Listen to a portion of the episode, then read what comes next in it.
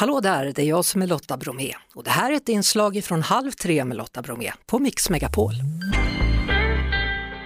Hörrni, Ostindiefararen är på gång igen. Ni vet det här skeppet som seglat från Göteborg till Ostindien och i eftermiddag, ja då bär det av igen. Kristoffer Bennis är expeditionsansvarig och för dagen då iklädd varma 1700-talskläder. Varför kan man ju undra. Jag är eh, superkagör idag. Vad betyder det? Superkagör är, eh, eh på 1700-talet så hade man Superkagör 1, 2, 3 med ombord som var utsedda av Svenska Ostindiska kompaniet som ansvarig handelsman. Ja. Så de som skötte alla affärer ombord. Du, berätta för mig, det här är inte första gången ni reser den här rutten eller? Eh, den här specifika rutten är första gången men vi gjorde en tur till eh, Asien 2005 som tog eh, nästan två år fram och tillbaks. Hur gör man när man vet att man ska vara borta så här länge? Nej men det, det är ju så att de flesta som seglar med är ju sjömän. Och eh, det är ju ett liv som de har valt att leva. Hur många är man i besättningen? 70, eh, dryga 70 personer. Så att det är 20 stycken som är yrkesbefäl ombord och sen så är det ytterligare nästan 50 jungmän då. Som, som, eh, där vi byter nästan alla jungmän på varje stopp. Och man seglar med en rutt och får känna på livet ombord. Du är rolig nu som utgår ifrån att jag fattar vad en jungmän är för något. För det gör jag inte. Vi ställer två krav på jungmän. Eh, ett, man ska vara över 18 år och två, att man ska vara någorlunda fysisk kondition för att kunna klättra ombord på fartyget. Mm. Sen så eh, får de all utbildning av oss ombord. Så man behöver ingen sjövana eller någonting utan det kan vara vem som helst.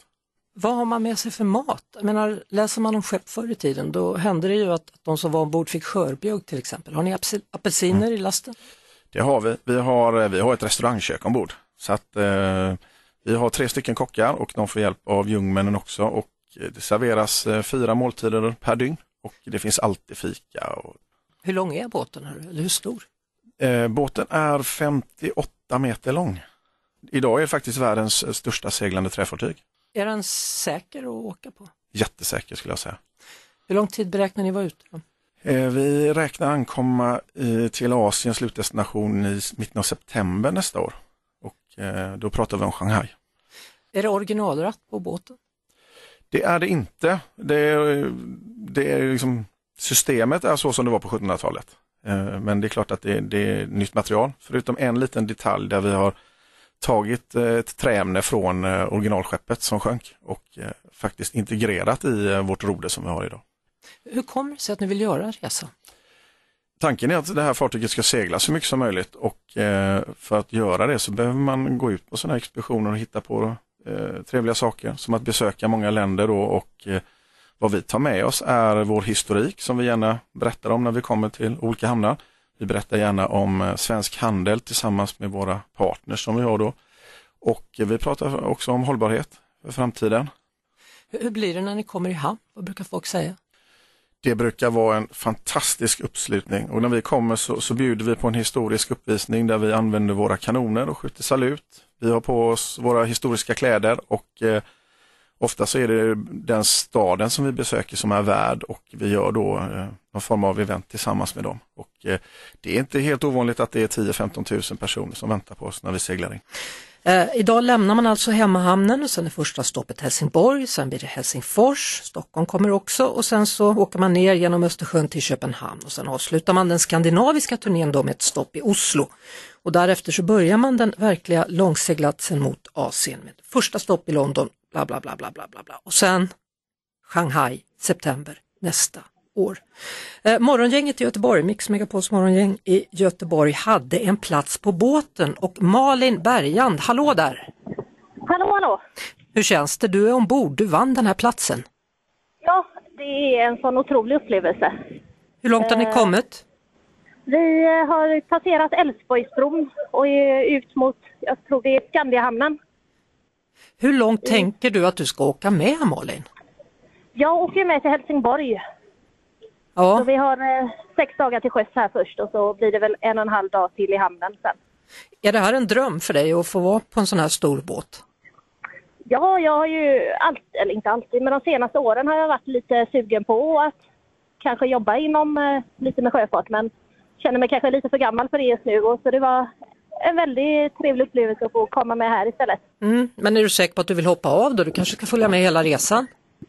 Ja, vi pratade faktiskt om det att eh, hade till eh, våren kanske åka någon eh, varmare etapp sen också. Ja just det, precis. Men, men du har du tagit ledigt från jobbet för att vara med här nu eller hur, hur går det till? Ja, jo, jag fick ju reda på detta på fredagen och på lördagen eh, var det ju dags att mönstra på.